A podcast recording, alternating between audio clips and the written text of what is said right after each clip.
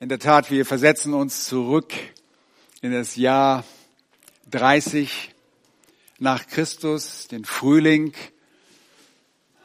Es ist das große Fest angesagt der Juden, das Passafest, das bevorsteht. Wir haben so gerade zwei Tage davor eine wunderbare Predigt unseres Herrn Jesus Christus gehört, die Ölbergrede, indem er uns einen Ausblick gibt auf die Dinge, die noch kommen werden, wie die Dinge beendet werden in der Geschichte. Und der Herr Jesus Christus und Gott, unser himmlischer Vater, gibt uns Kraft des Heiligen Geistes Einblick in die Pläne, die er vor Grundlegung der Welt geschmiedet hat und wie er sie zu Ende bringt. Und jetzt befinden wir uns eben in dieser besagten Leidenswoche. Unser Jesus Christus ist ein Begriff für die Sein, für alle, die an ihn glauben würden, zu sterben, um den Preis zu bezahlen, der erforderlich war, um versklavte Seelen in seine Nachfolge zu rufen. Und wir haben uns angesehen, dass zwei Tage vor dem Fest die Feinde des Herrn, die obersten Priester, der Hohe Rat, sich einig war, dass sie den Herrn Jesus Christus mit allen Mitteln erfassen und greifen mussten und beseitigen mussten, damit er nicht noch mehr Anhänger auf seine Seite ziehen würde. Und so nahmen sie wieder ihren Plan auf, der immer schon in ihrem Hinterkopf war, dass sie diesen Herrn Jesus Christus loswerden wollten. Aber sie nahmen ihn mit neuer Kraft und neuen, neuer Motivation auf, um den Herrn zu ergreifen, um ihn zu töten. Und wir befinden uns mit den Versen aus Matthäus, Markus, Kapitel 14, in einer kleinen Serie, die ich die Akteure im Vorfeld des Verhaftungsdramas Jesu genannt habe. Und die Akteure, die wir uns angesehen haben, waren die Feinde, die religiösen Leiter des Landes, der Hohe Rat, der sich gegen den Herrn verschworen hatte. Und heute kommen wir zu einem weiteren Feind, ein Komplizen dieser Feinde, die wir aus den Versen 1 und 2 gesehen haben. Aber zwischendurch gab es einen Lichtblick, ein Lichtblick einer Gottesdienerin, einer Gott wohlgefälligen Frau, die ihr Leben gegeben hat und Gott angebetet hat, den Sohn Gottes angebetet hat, die begriffen hat, wer Jesus Christus war und die den Herrn Jesus Christus salbte und überraschte mit ihrem hingebungsvollen Akt. Und wir sind ermutigt worden, dem nachzueifern, es genau so zu tun. Wir haben uns darüber unterhalten, dass es nicht ein ungewöhnlicher Akt ist für ein Kind Gottes, das Leben zu geben, alles zu geben, so wie sie es tat, in diesem Akt der Salbung und in einem, mit einem hingegebenen Herzen. Heute Nachmittag kommen wir zu dem Sohn des Verderbens und seinem, muss man sagen, vermeintlich lukrativen Komplott.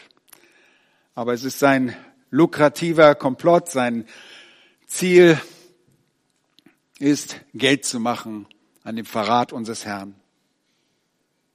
Und ich lese euch die Verse, es sind nur zwei Verse, wieder eine kurze Predigt heute. Vers 10 und 11 aus Markus 14.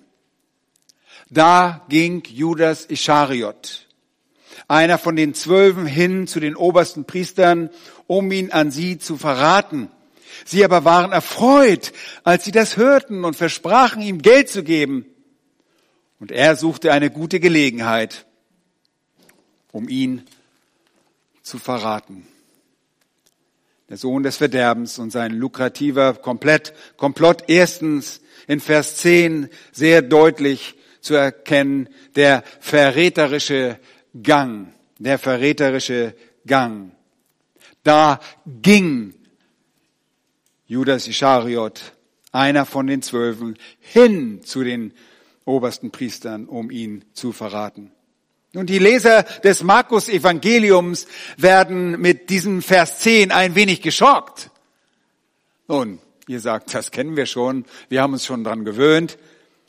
Nur eine kleine Vorwarnung gibt es im äh, Markus Evangelium, die der Schreiber Johannes Markus unter der Leitung des Heiligen Geistes uns gegeben hat. Sehr früh in seinem Evangelium lesen wir in Markus 3 während der Berufung und dieser Vorabsendung der Jünger, dass auch Judas Ischariot dabei war. Und es gibt bei der Erwähnung seines Namens dort in Kapitel 3 und Vers 19 einen ganz kleinen Nachsatz.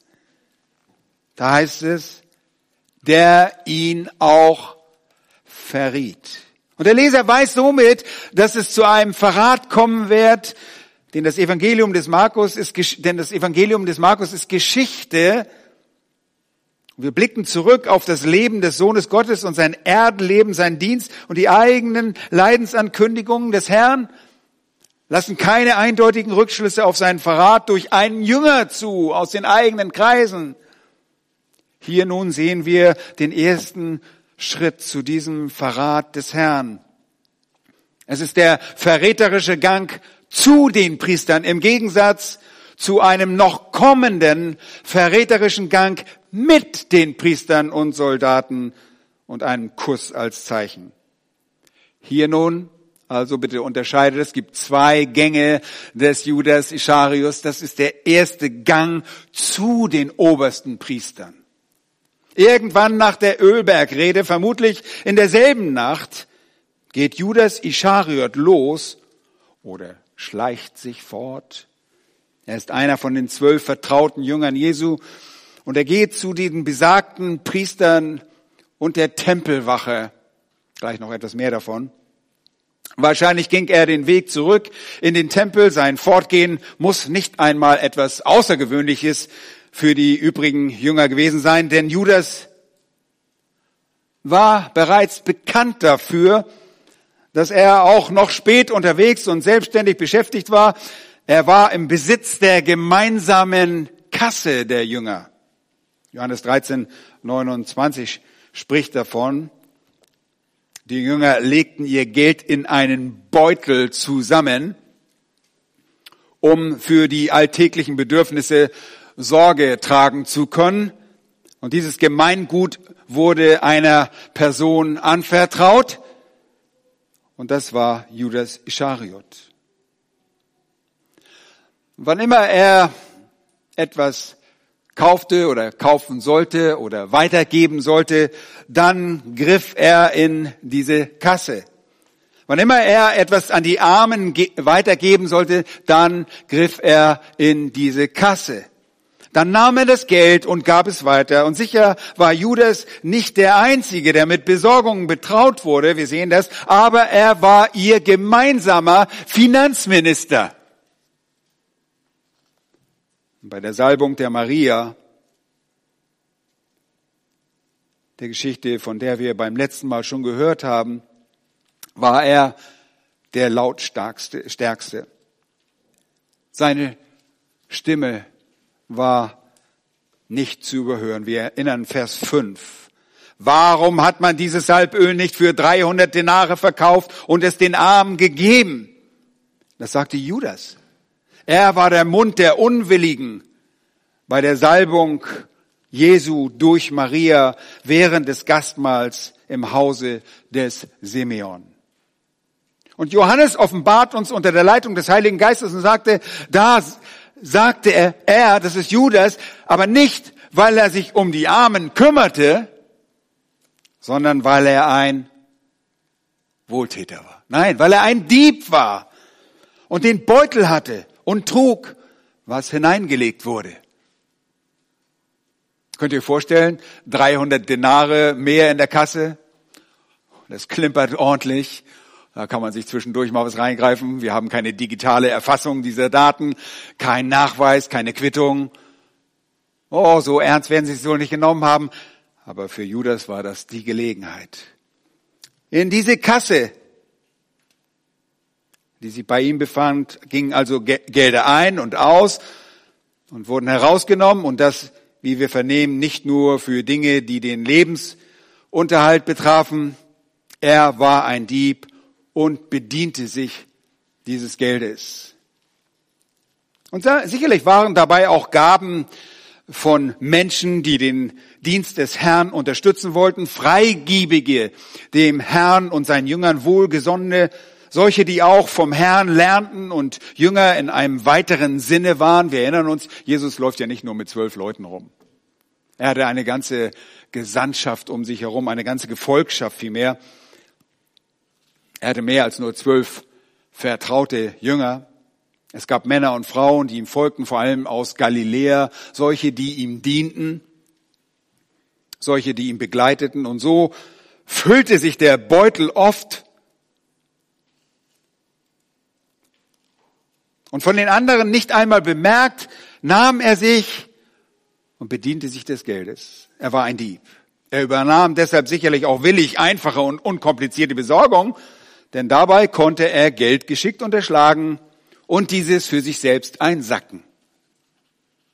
Mit dieser Aufgabe betraut hatte Judas auch durchaus die Möglichkeit, sich vom Lager der Vertrauten des Herrn zu entfernen, ohne sofort Verdacht zu schöpfen. Wir haben nicht gesagt, wo geht denn der jetzt wieder hin? Judas war wahrscheinlich auch ein Einzelgänger in dieser Gefolgschaft.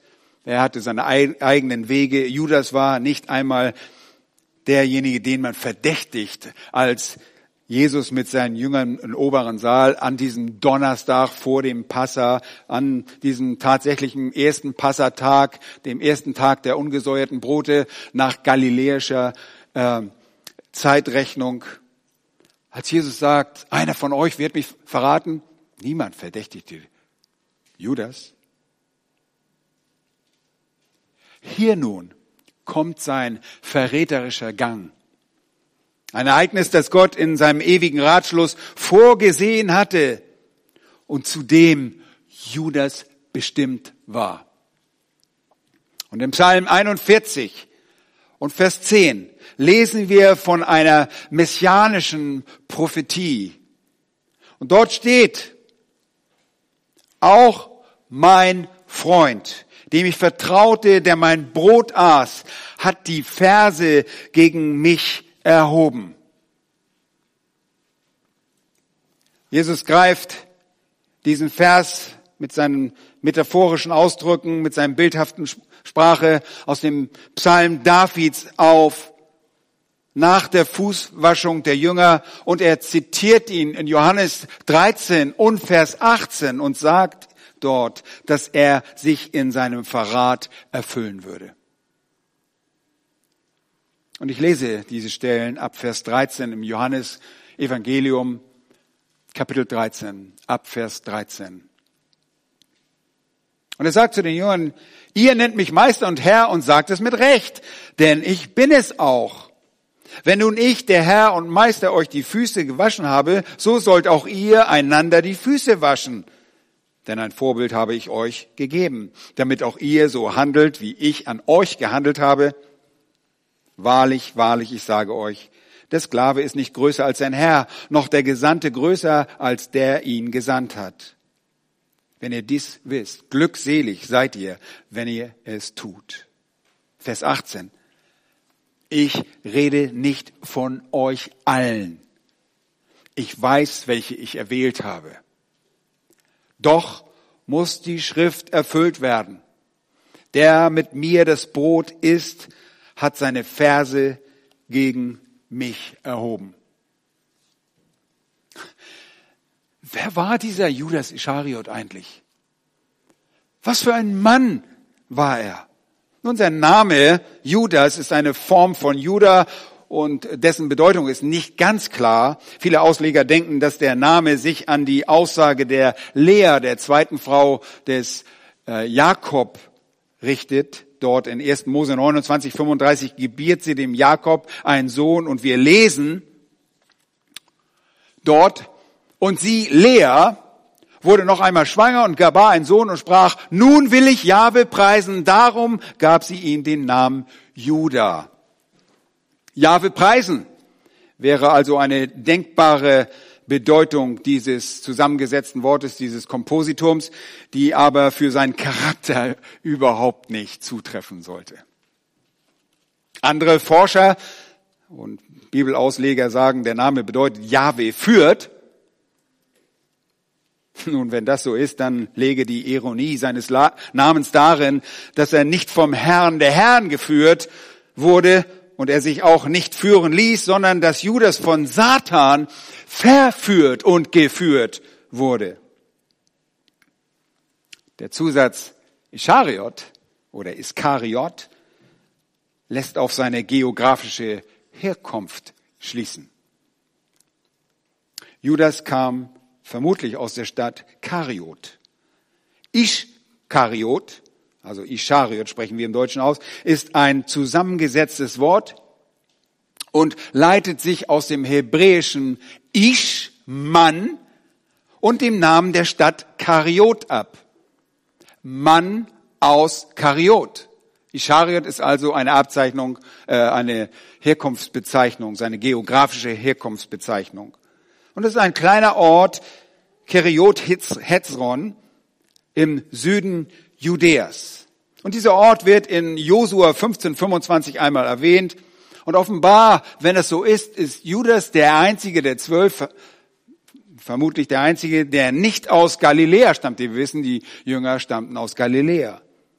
Sein Vater hieß Simon, wieder mal ein weiterer Simon, so sagt uns Johannes 6, 71.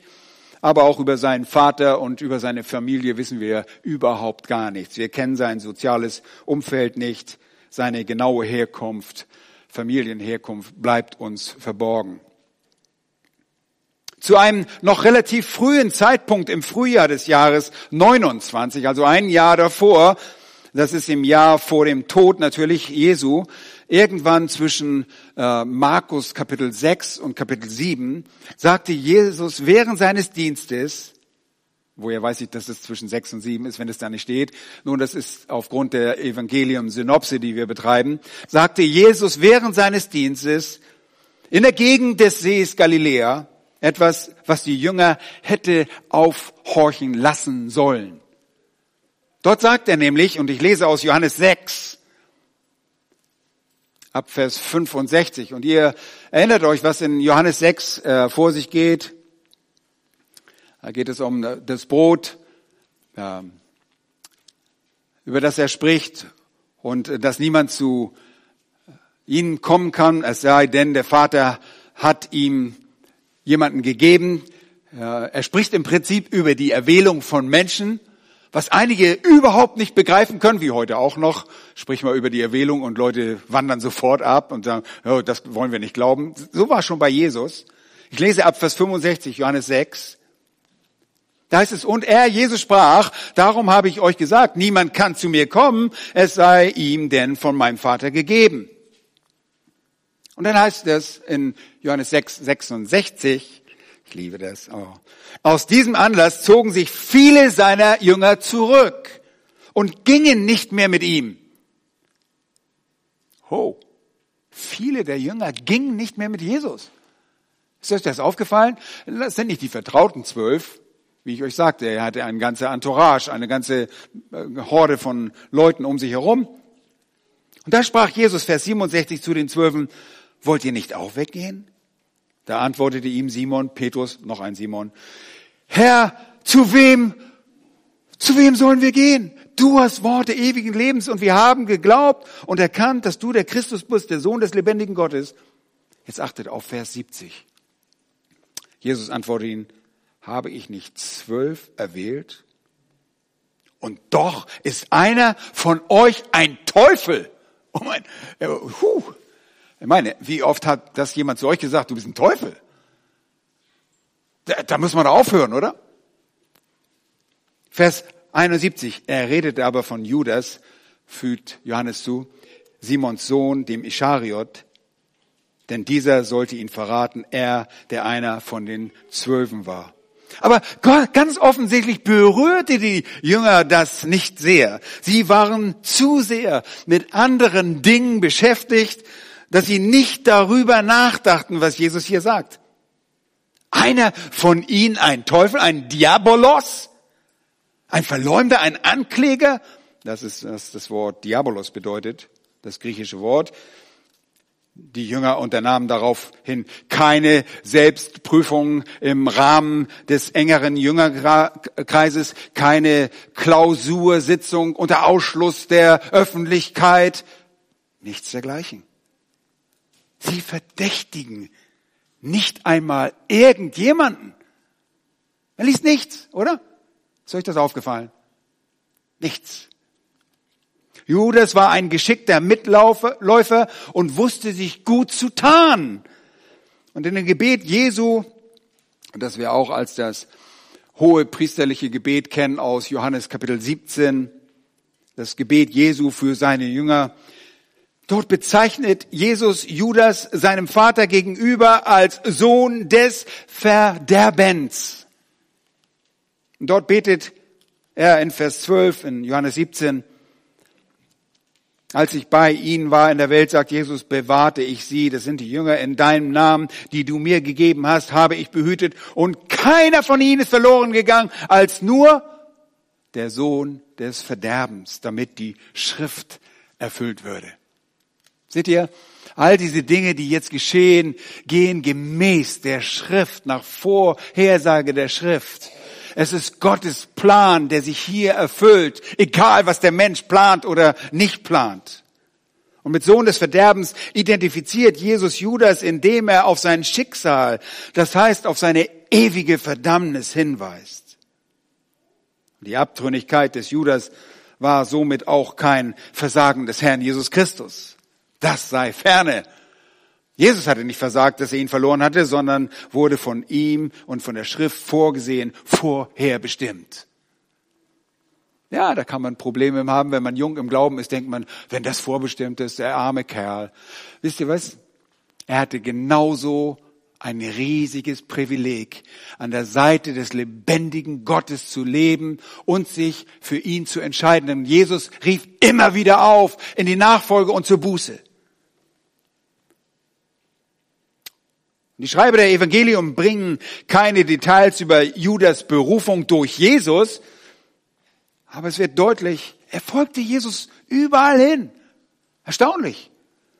Er lebte in dieser Zeit der außerordentlichen ähm, Messias-Erwartung und sicherlich sehnte er sich wie die meisten Israeliten nach dem Kommen des vermeintlich politischen Befreiers unter der Last der Besatzungsmacht Roms. Nun, als Judas nun von Jesus hörte und sah, was dieser tat, da hat er Lolliaugen gekriegt. Ja, da kam er offenbar zu der Überzeugung, dass dieser der Befreier und tatsächlich der wahre Christus sein musste. Und das war richtig. Nur hatte er so wie auch das übrige Volk, eine verschobene Vorstellung von dem kommenden Messias. Ihr Lieben, erstaunlich ist dennoch, dass Judas auch dann bei Jesus bleibt, als die weniger hingegebenen Jünger, von denen wir gerade gelesen haben in Johannes Kapitel 6, und als sie Jesus verließen, dass Judas immer noch bei Jesus bleibt. Judas war in allem ein Nachfolger Jesu, nur nicht in und mit seinem Herzen. Er war ein Heuchler sondergleichen. Ein Sohn, der das ultimativen, ultimativen Verderben anrichtete und erben sollte, dieses Verderben, aber das, damit die Schrift erfüllt würde. Und wir können über seine Erwählung nachlesen in äh, Markus 3, Lukas 6, Judas war einer von diesen Jüngern, von diesen privilegierten Männern, die an der Seite Jesu waren, aber wurde nie wirklich ein voller Apostel. Temporär gehörte er zu dem Kreis derer, die Apostel, die Jesus berief und auch sandte. Ihr erinnert euch an diese Vorabsendung, an dieses Praktikum, wenn ihr so wollt, als er sie kurz aussandte. Auch da war er dabei. Und in dieser Zeit war er offenbar ein Scharlatan, ein unaufrichtiger Nachfolger des Herrn. Ihr Lieben, verwundert euch das? Nicht, wenn ihr den ganzen Ratschluss der Schrift kennt. In 2. Korinther 11 schreibt Paulus im Rahmen der Verteidigung seines Apostelamtes in den Versen 14 und 15 als eine Reaktion auf die falschen Apostel, die es auch zur Zeit des Apostel Paulus gab, schreibt er sehr eindrücklich davon, dass sich falsche Apostel verkleiden. Da heißt es, es ist nicht verwunderlich, denn der Satan selbst verkleidet sich als ein Engel des Lichts. Es ist also nichts Besonderes, wenn auch seine Diener sich verkleiden als Diener der Gerechtigkeit. Aber ihr Ende wird ihren Werken entsprechend sein. Und ihr Lieben, das traf genau auf Judas zu, der sich tarnte und mitmachte, aber sein Ende ist Verderben entsprechend seinen Werken. Und Jesus sagte von ihm, wehe jenem Menschen, durch den der Sohn des Menschen verraten wird. Es wäre für jenen Menschen besser, wenn er nicht geborgen wäre. Markus 14, 21. Und auch im Matthäus-Evangelium wurde dieses Wort Jesu verzeichnet. Aber nun heißt es in Vers 10, er ging hin zu den obersten Priestern, seine Komplizen. Und er ging hin, heißt es dort im Lukas-Evangelium, wir vergleichen immer wieder mal die Evangelisten, und besprach mit den obersten Priestern und den Hauptleuten. Und da habt ihr es, da sind auch die Hauptleute involviert, wie er ihn auf, an sie ausliefern wollte.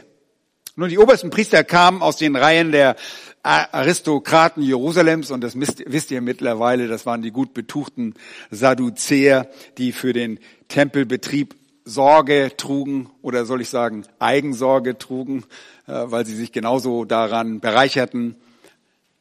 Sie machten Geschäft aus dem ganzen Tempel, äh, aus dem, mit den Geldwechslern. Und ihr wisst, was ich meine. Und zu ihnen gehört auch der Stellvertreter des hohen Priesters. Und das war ein Tempelhauptmann, ein sogenannter Tempeloberst. Und ihm und ein paar anderen hochrangigen Priestern war der gesamte Tempelkomplex unterstellt und zur Aufsicht auf, anvertraut. Und diese Hauptleute fungierten gewissermaßen als Mittelsmänner zu den sich in der Burg Antonia dauerhaft stationierten römischen Besatzern die natürlich nicht nur da waren. Äh, hauptsächlich waren äh, die römischen Besatzer auch in Caesarea. Wie ihr wisst, auch Pontius Pilatus hatte dort seinen eigentlichen Wohnsitz, den er nur während der Feste nach Jerusalem verlegte. Aber mit diesen Feinden, die Mitglieder des Hohen Rates waren, kooperierte Judas jetzt.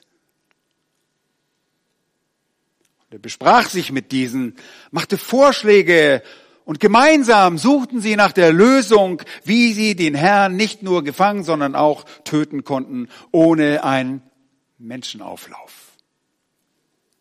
Und aufgrund der Gewohnheiten Jesu mit seiner engen Gefolgschaft, die äh, Gefolgschaft, die Judas sehr wohl ja auch kannte, diese Gewohnheiten, konnte er den obersten Priestern und Hauptleuten der jüdischen Tempelwache ein Angebot zum Verrat des Herrn machen.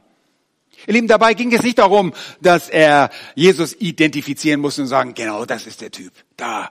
Sie hätten den auch schon gesehen. Obwohl das nachher im Laufe des Abends und der Nacht, als Jesus verraten wird, auch dunkel wird und auch ein Aspekt ist, aber hier geht es darum, dass sie nicht wussten, zu welchem Zeitpunkt sich Jesus wo befindet und nach Möglichkeit, wo es keine Menschen gibt. Während des Jerusalem-Aufenthaltes des Herrn gab es nämlich gewisse Regelmäßigkeiten bei unserem Herrn, Regelmäßigkeiten, die Judas kannte und er wusste, wo unser Herr Jesus Christus übernachtete.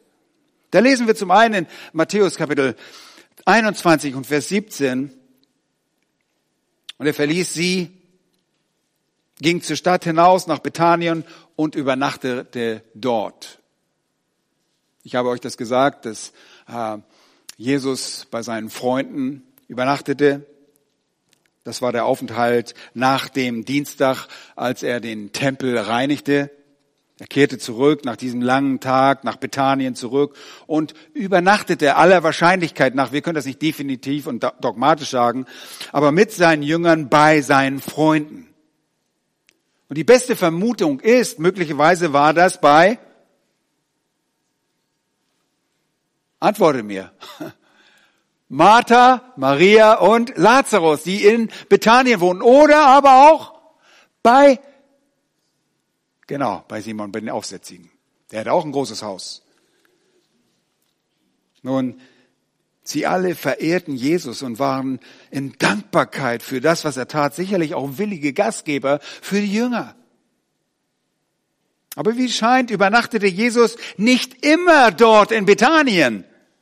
Möglicherweise ist das Wort, das Lukas uns gibt, ein Hinweis darauf, dass Jesus im Freien auf dem Ölberg übernachtete, wie es in der Nacht seines Verrates der Fall gewesen wäre, wenn er nun die ganze Zeit da geblieben wäre. Aber wir lesen dort in Lukas 21, 37, es war aber, er war aber tagsüber im Tempel und lehrte, bei Nacht aber ging er hinaus und übernachtete an dem Berg, welcher Ölberg heißt.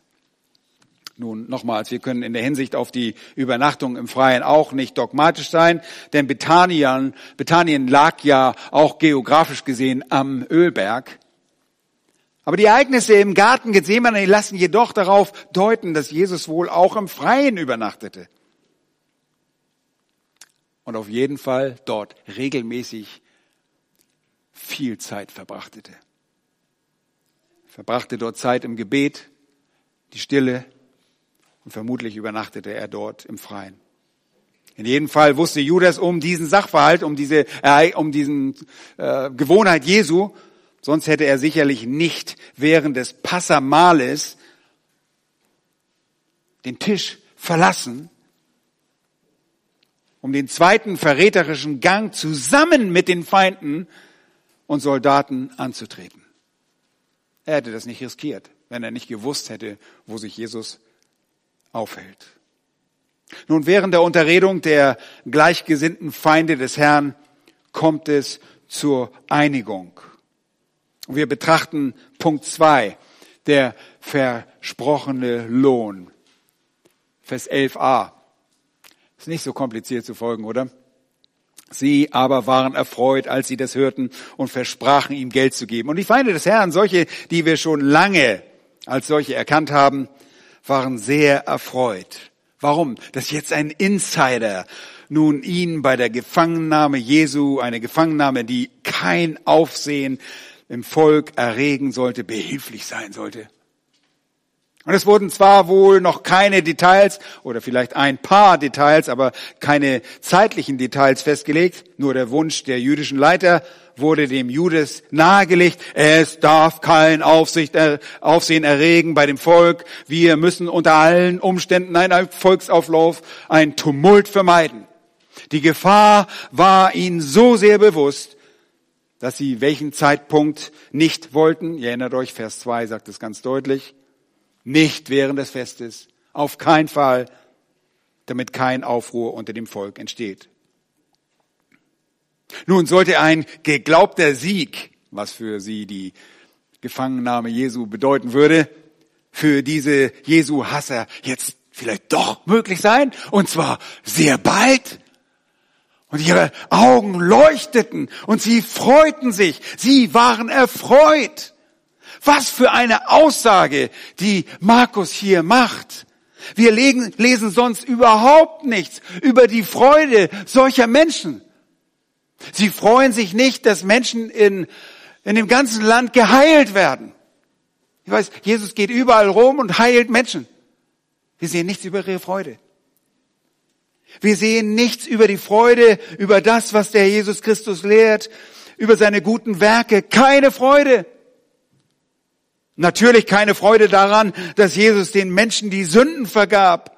Wir lesen nur von, von Ärger und Unmut, von ihrem Aufgebrachtsein, aber nicht von einer Anteilnahme an all dem Guten, das der Herr Jesus tat und lehrte. Sie freuen sich vielmehr über einen Verräter und sind auf einmal schlagartig hellwach.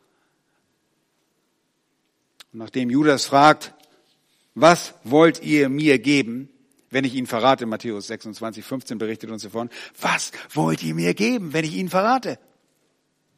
Äh, ihn euch verrate. Und so fragt er nach Geld. Da greifen sie sehr willig zu den Mitteln, die charakterlose Menschen so häufig wählen und die ebenso häufig auf das charakterlose Menschen wie sie und Judas es waren wirken, um Ziele zu erreichen. Charakterlose Menschen lassen sich durch Geld immer irgendwie kaufen. Und das Entsetzliche dabei ist, hört mal zu. Und sie setzten ihm 30 Silberlinge fest. Ihr Lieben, das war kein Vermögen. Das war der Preis eines gewöhnlichen Sklaven.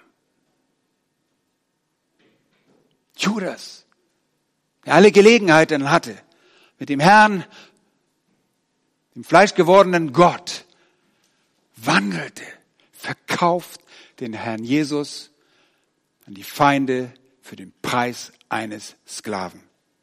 Eine echte Tragödie. Aber der Gottlose nimmt ein Bestechungsgeschenk aus seinem Gewand, um die Pfade des Rechts zu beugen, Sprüche 17, 23. Und sie versprechen ihm also diese Summe Geld, eine finanzielle Bestechung für einen Verrat, der ihren Vorstellungen entsprach, für den angestrebten Verrat und Hinweis zur Ergreifung Jesu. Oh, ihr Lieben, und in Judas hatten sie genau solch einen gierigen und durch Geld beeinflussbaren Mann gefunden, den sie für ihre Pläne brauchten. Mitglieder des Hohen Rates, die ebenso korrupt waren und auch sie liebten das Geld. Erinnert ihr euch? Äh, Lukas 16, Vers 14 macht äh, Lukas so eine Be Bemerkung, fast in einem Beisatz. Da sagt er, das alles aber hörten die Pharisäer, die geldgierig waren. Sie waren genauso geldgierig. Hier sind zwei, zwei Gruppen von Geiern, ein Einzelner und eine Gruppe von geldgierigen Geiern kann man nicht anders sagen. Und so wird unter ihnen gehandelt. Judas war in seinem Charakter dem des Biliam, dem Sohnes Beors gleich. Und wir kennen diese Geschichte aus dem vierten Buch Moses, der den Lohn der Ungerechtigkeit liebte, so sagt uns Petrus im zweiten Petrusbrief Kapitel 2 und Vers 15 und der sich letztlich mit seinem Rat gegen das Volk Gottes wandelt. Erinnert ihr euch, Balak, der König, heuert diesen Propheten an und er möchte gerne, dass er Israel verflucht und er tut es nicht, er tut es nicht und man liest die Geschichten und denkt, er macht alles richtig. Aber letztlich kommt er mit seinem Rat und sagt, und ich lese es vor, Offenbarung 2, Vers 14, er, der den Balak lehrte, einen Anstoß zur Sünde für die Kinder Israels zu legen, so dass sie Götzenopfer aßen und Unzucht trieben. Offenbarung 2, Vers 14 dort in der zweiten Hälfte des Verses. Alles aufgrund des lieben Geldes. Lieben, Judas motiviert durch die ihm angebotene Geldsumme und aus der bei ihm vermuteten Enttäuschung wahrscheinlich heraus, dass Jesus mit der Errichtung des Reiches nicht zu Potte kommt. Es dauert einfach so lange. Er ist ungeduldig. Ich will jetzt mein Lohn und er achtet nicht auf den Lohn, den die Sünde bringt. Was sagt uns der Römerbrief in Kapitel 6? Der Sündelohn ist der Tod. Und das ist der ewige Tod, die ewige Trennung eines Sünders. Er will jetzt Lohn haben. Er sieht auf das Materielle und verrät dabei den Herrn der Herren, den König der Könige. Unfassbar. Seine Motivation ist die Motivation vieler Menschen, die heute augenscheinlich im Bedienst des Herrn stehen. Es ist das ungerechte Mammon. Und Paulus schreibt seinem geliebten Sohn Timotheus im ersten Brief Timotheus Kapitel 6 Vers 9 von den Menschen, denn die, welche reich werden wollen, fallen in Versuchungen, Fallstricke und viele törichte und schädliche Begierden, welche die Menschen in Untergang und Verderben stürzen so wie den Sohn des Verderbens. Vers 10 dort. Denn die Geldgier, nicht der Geldbesitz. Ihr Lieben, es gibt wohl reiche Menschen. Das ist gar kein Problem. Die Geldgier, die Liebe zum Geld ist eine Wurzel alles Bösen. Etliche, die sich ihr hingegeben haben, sind vom Glauben abgeehrt und haben sich selbst viel Schmerzen verursacht.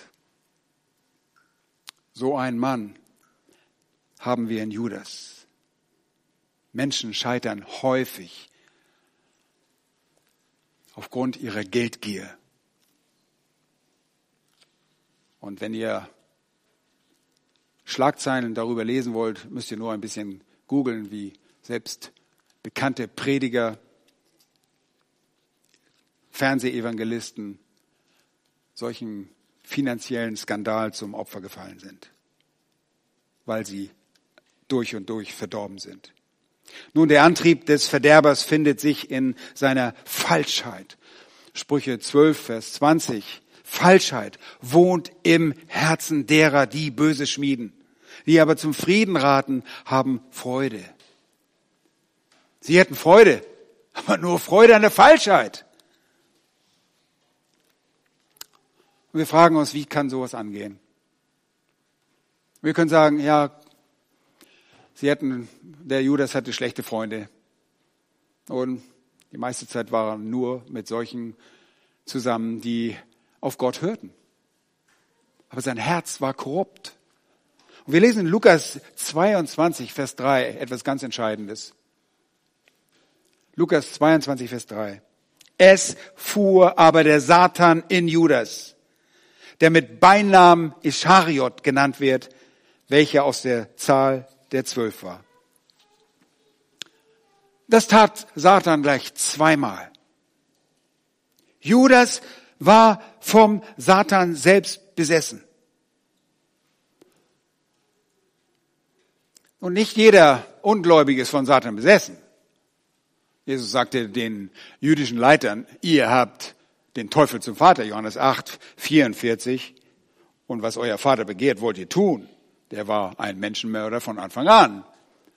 Nicht jeder ist automatisch besessen. Eine Besessenheit ist absolute Kontrolle durch Satan. Satan hat offensichtlich bei zwei Gelegenheiten direkte Kontrolle über Judas erlangt. Einmal kurz bevor Judas seinen Verrat mit diesen hohen Priestern und Tempel Wächtern vereinbarte und zum zweiten Mal während des letzten Abendmahls, des, des, Passa, des letzten äh, Passamahls in Johannes 13, Vers 27, unmittelbar bevor der Verrat tatsächlich ausgeführt wurde. Seht ihr? Jemand Besessenes anzutreffen, ist sehr selten. Wir können es auch nicht immer beurteilen. Wir wissen es nicht immer. Dämonen lügen, äh, die, die erzählen nicht freiwillig irgendwas, die täuschen. Man fragt auch nicht irgendwelche Leute, bist du besessen oder. Äh, aber es gibt bestimmte Kennzeichen dafür, wenn jemand besessen ist. Eine Person kann auf einmal übernatürliche Kräfte entwickeln. Okay? Und wir müssen uns auch nicht fürchten, dass jeder Mensch von Satan besessen wird. Satan ist, wie gesagt, nicht allmächtig, er ist nicht allgegenwärtig, er kann nicht über gleichzeitig sein. Er hat zwar eine Haufen von Dämonen und äh, gefallenen Engeln, die auch Menschen besessen können. Wir haben das auch im Markus-Evangelium schon betrachtet. Aber Satan holt sich die großen Fische. Und das ist ein entscheidender Zug, den er hier jetzt einleitet. Er möchte sicherstellen, dass Jesus verraten wird. Und wir kommen noch dazu bei einer anderen Predigt, aber im Grunde schießt Satan sich so in den eigenen Fuß. Lasst uns aber jetzt den dritten Punkt ansehen, und ich weiß schon, der verheißungsvolle Zeitpunkt, Vers 11b. Ich habe ja gesagt, dass es eine kurze Predigt heute ist. Der verheißungsvolle Zeitpunkt, 11b. Und er suchte eine gute Gelegenheit, um ihn zu verraten. Die zweite Hälfte dort. Lukas sagt, und er versprach es und suchte eine gute Gelegenheit, um ihn ohne Volksauflauf an sie auszuliefern. Das ist der geeignete, der verheißungsvolle Zeitpunkt für sie. Judas war jetzt nur noch mit einer einzigen Sache beschäftigt. Seine Ohren waren schon immer taub für die wunderbaren Worte des Erlösers, aber jetzt gab es kein Zurück. Er hatte A gesagt und musste jetzt diesen geeigneten Zeitpunkt finden. Und er musste überlegen, wie mache ich das, wie stelle ich das an. Judas war auf der Suche nach einer zeitlichen Lösung. Er war damit beschäftigt und wir können uns ein bisschen vorstellen, wie er grübelte und überlegte, wie er wohl am schnellsten den Herrn Jesus bei einer Begebenheit, bei der möglichst keine Menschen anwesend wären, verraten könnte. Und als Judas dann wieder die Reihen der Jünger aufsuchte und am nächsten Morgen aufsteht, am 14. Nisan im Jahre 30 nach Christus nach galiläischer Zeitrechnung, der 14. Nisan beginnt für die äh, Jerusalemer wann? Am Abend mit Sonnenuntergang.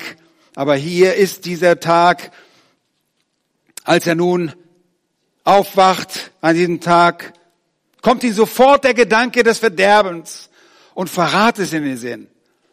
Oh, wie wird es heute möglich sein, Jesus an die Leiter der Juden zu einem Ort im Garten, diesem Grundstück Gethsemane zu führen, damit diese, dieser Jesus still und heimlich abgeführt werden kann. Oder werden sie ihn gleich töten? Ach, das soll ja nicht meine Sorge sein. Ich brauche ihn ja nur verraten. Nun in der Dunkelheit des Abends, ohne Volksauflauf, wie mache ich das?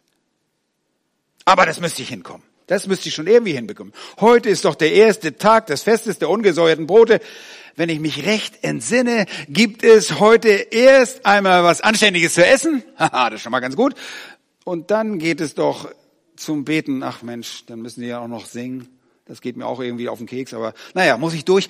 Und das zieht sich auch noch so lange hin. Die singen da die ganzen Psalmen. Ach man, muss das sein. Okay, wie soll ich dann noch zu den Priestern gehen, dann hänge ich in Gethsemane. Wie soll ich dann die Nachricht zum Hohen Rat bringen? Was soll ich mir nur einfallen lassen? Und ihr könnt euch vorstellen, dass die Suche für, nach einer Lösung für Judas nicht ganz unproblematisch war. Aber der Herr hatte schon eine Lösung. Es war eine Hoffnung nach Geld und Gier. Und sein Antrieb wurde nicht nur menschlich generiert. Satan steht dahinter. Er steuert ihn. Er ist jetzt Opfer dessen, auf das, was er sich eingelassen hatte. Oh, er gehörte Satan ohnehin, aber jetzt macht Satan mit ihm, was Satan wollte. Satan ist ein übernatürliches Wesen, eine Person ultimativer Bosheit steht jetzt dahinter. Nochmals Lukas 22, 3 und 4. Es fuhr aber der Satan in Judas, der mit Beinamen Ischarius genannt wird.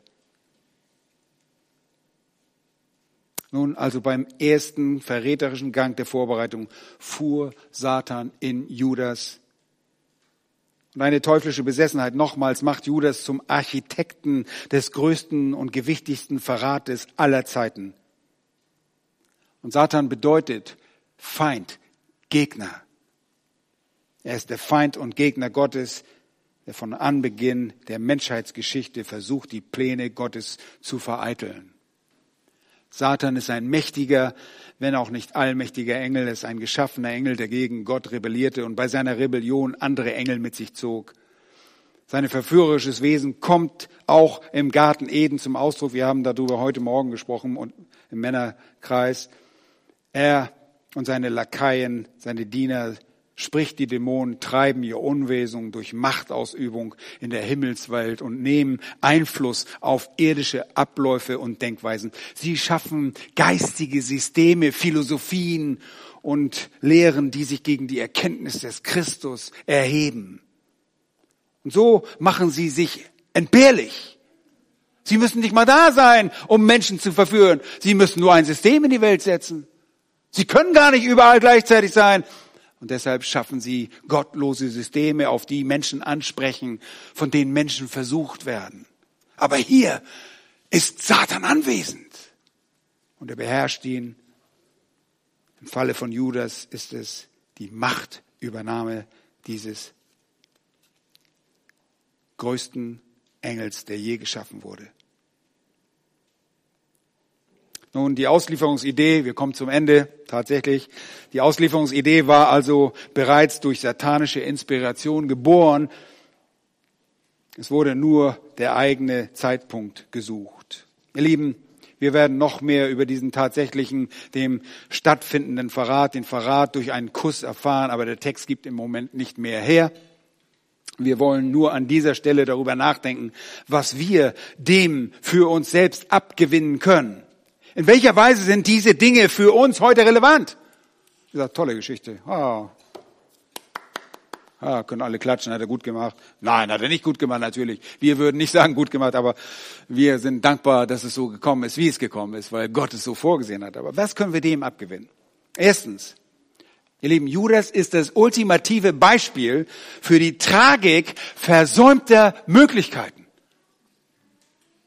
Nun, er folgte dem Sohn Gottes auf Tritt und Schritt und wurde immer wieder dazu aufgerufen, dem Herrn tatsächlich von Herzen nachzufolgen. Er hat immer die Möglichkeit gehabt. Und er ließ diese Einladung des Herrn Jesus, der das Evangelium verkündigte, ungeachtet. Oh, welch große Tragik, dass Menschen unter der Verkündigung des Evangeliums heute auch sitzen und es einfach an sich vorbeigehen lassen und nicht berührt werden davon. Welch große Gefahr bist du ausgesetzt, wenn du nicht hörst und nicht acht gibst, wenn du nicht auf die Stimme Gottes hörst. Du stehst als unentschlossener sowie ablehnender Mensch in der Gefahr, dasselbe Gerichtsurteil zu erleben, das über Judas erging der sich an dem Ort der Qual wiederfinden wird, an dem Satan und seine Dämonen ihre Endstation haben. Wo ist das? Offenbarung 20, Vers 10 sagt uns, dass der Teufel in den Feuersee und Schwefelsee geworfen wurde. Da blickt der Johannes schon voraus auf das Gerichtsurteil, wo das Tier, das ist der Antichrist ist und der falsche Prophet und wo sie gepeinigt werden, Tag und Nacht von Ewigkeit zu Ewigkeit. Zweitens, Judas dient als abschreckendes Beispiel der Geldliebe. Als abschreckendes Beispiel der Geldliebe. Der Lohn dieser Ungerechtigkeit brachte ihn ewiges Verderben. Wie ich schon sagte, ich will meinen Lohn jetzt. Es muss materiell sein. Ich kann nicht warten auf die Ewigkeit. Ich möchte meinen Lohn jetzt. Der Lohn für ein ungerechtes Leben, für eine Sünde ist der ewige Tod Nochmals, nicht Geld an sich ist das Problem, sondern die Geldliebe, sagt uns die Schrift. Und das können auch materielle Güter sein, die dich daran hindern, den Willen Gottes für dein Leben zu tun. Prüfe dich und lass dich warnen und sieh dir das Ende von Judas an. Drittens. Judas ist auch ein abschreckendes Beispiel dafür, was geistliche Heuchelei und Verrat mit sich bringen. Hey, glaubt nicht, wie voll unsere Welt von Heuchlern ist. Ich meine nicht temporäres Heucheln, das tun wir alle manchmal. Ja, wenn wir ein fröhliches Gesicht aufsetzen, wenn die Tante Martha zu Besuch kommt und du denkst, oh nein, Tante Martha kommt wieder. Und eigentlich bist du im Herzen gar nicht, nein, davon rede ich nicht. Ich rede hier von einer grundsätzlichen Einstellung der Heuchelei und Verrat. Und auch heute ist es durchaus möglich, als Heuchler durch das Leben zu laufen und sich ein Christsein vorzutäuschen. Meine Güte, prüf dich anhand deiner Werke. Schau dir die Frucht an, die du bringst und du weißt, ob du ein Kind Gottes bist. Liebst du den Herrn? Mach dir nichts vor. Andere Male sind Heuchler verführt und zwar so, dass sie ihrer eigenen Lüge glauben und sogar noch meinen, einen guten Dienst zu tun für Gott. Deshalb mahnt die Schrift immer wieder zur Selbstprüfung. Wir müssen mit uns ins Gericht gehen. Wir müssen uns selbst vor Gott prüfen anhand des Wortes. Viertens. Judas ist ein Beispiel für die souveräne Vorsehung der Pläne Gottes. Alles in der Geschichte der Menschen wird so von Gott arrangiert und zusammengefügt, dass sein Wille geschieht. Und obwohl Menschen sich vielerorts durch Satan in die Bosheit begeben und sie gegen Gottes Wort rebellieren, lassen sich Gottes Pläne, sein ewiger Ratschluss, nicht vereiteln, nicht durchkreuzen. Wir denken das manchmal. Wir denken, uns wird ungerecht getan, irgendwas verpassen wir. Wisst ihr was? Keine Sorge. Gott sorgt für dich. Und wenn das auch nicht uns passt, ja, manche Dinge passen uns einfach nicht. Wisst ihr was? Gott setzt seinen Plan für dich um. Und das ist ein wunderbarer Trost. Auch wenn du denkst, dass du ungerecht behandelt wirst, so steht Gott über all den an dir vollzogenen und ungerechten Handlungen und auch über deine Empfindung. Und es gibt noch eine Menge mehr, aber ich kriege sonst Haue, wenn ich jetzt noch weitermache. So, lass uns zusammen beten und den Herrn bitten, dass er uns wachrüttelt. Herr, wir danken dir von ganzem Herzen für deine große Barmherzigkeit, die du uns zeigst, dass du uns auch solche Beispiele zeigst, dass du uns in der Geschichte zeigst, wie das menschliche Herz ist. Und wir kennen die trügerischen Qualitäten unserer Herzen. Oh Herr, wie schrecklich, wozu wir selbst noch als Kinder Gottes fähig sind. Oh, vergib uns unsere Schuld. Hilf uns zu tun, was dir wohlgefällig ist. Und Herr, wenn hier jemand ist, der dich nicht kennt, oder da ein, ein Christsein, ein geheucheltes Christsein lebt, erbarme dich dieser Person, damit sich das innere Herz, das Herz beugt vor dem mächtigen Willen. Du bist der Erlöser, du bist der Könige. Und dennoch danken wir dir auch, dass du deine Erlösung so erwirkt hast, wie du es getan hast. Wie ermutigend für uns zu sehen, dass durch nichts und niemanden diese Pläne durchkreuzt werden können, auch in der Zukunft nicht. Du wirst kommen, egal was Menschen sagen, du wirst kommen in Macht und Herrlichkeit und wir werden dein sein. Dafür preisen wir dich in Jesu Namen. Amen.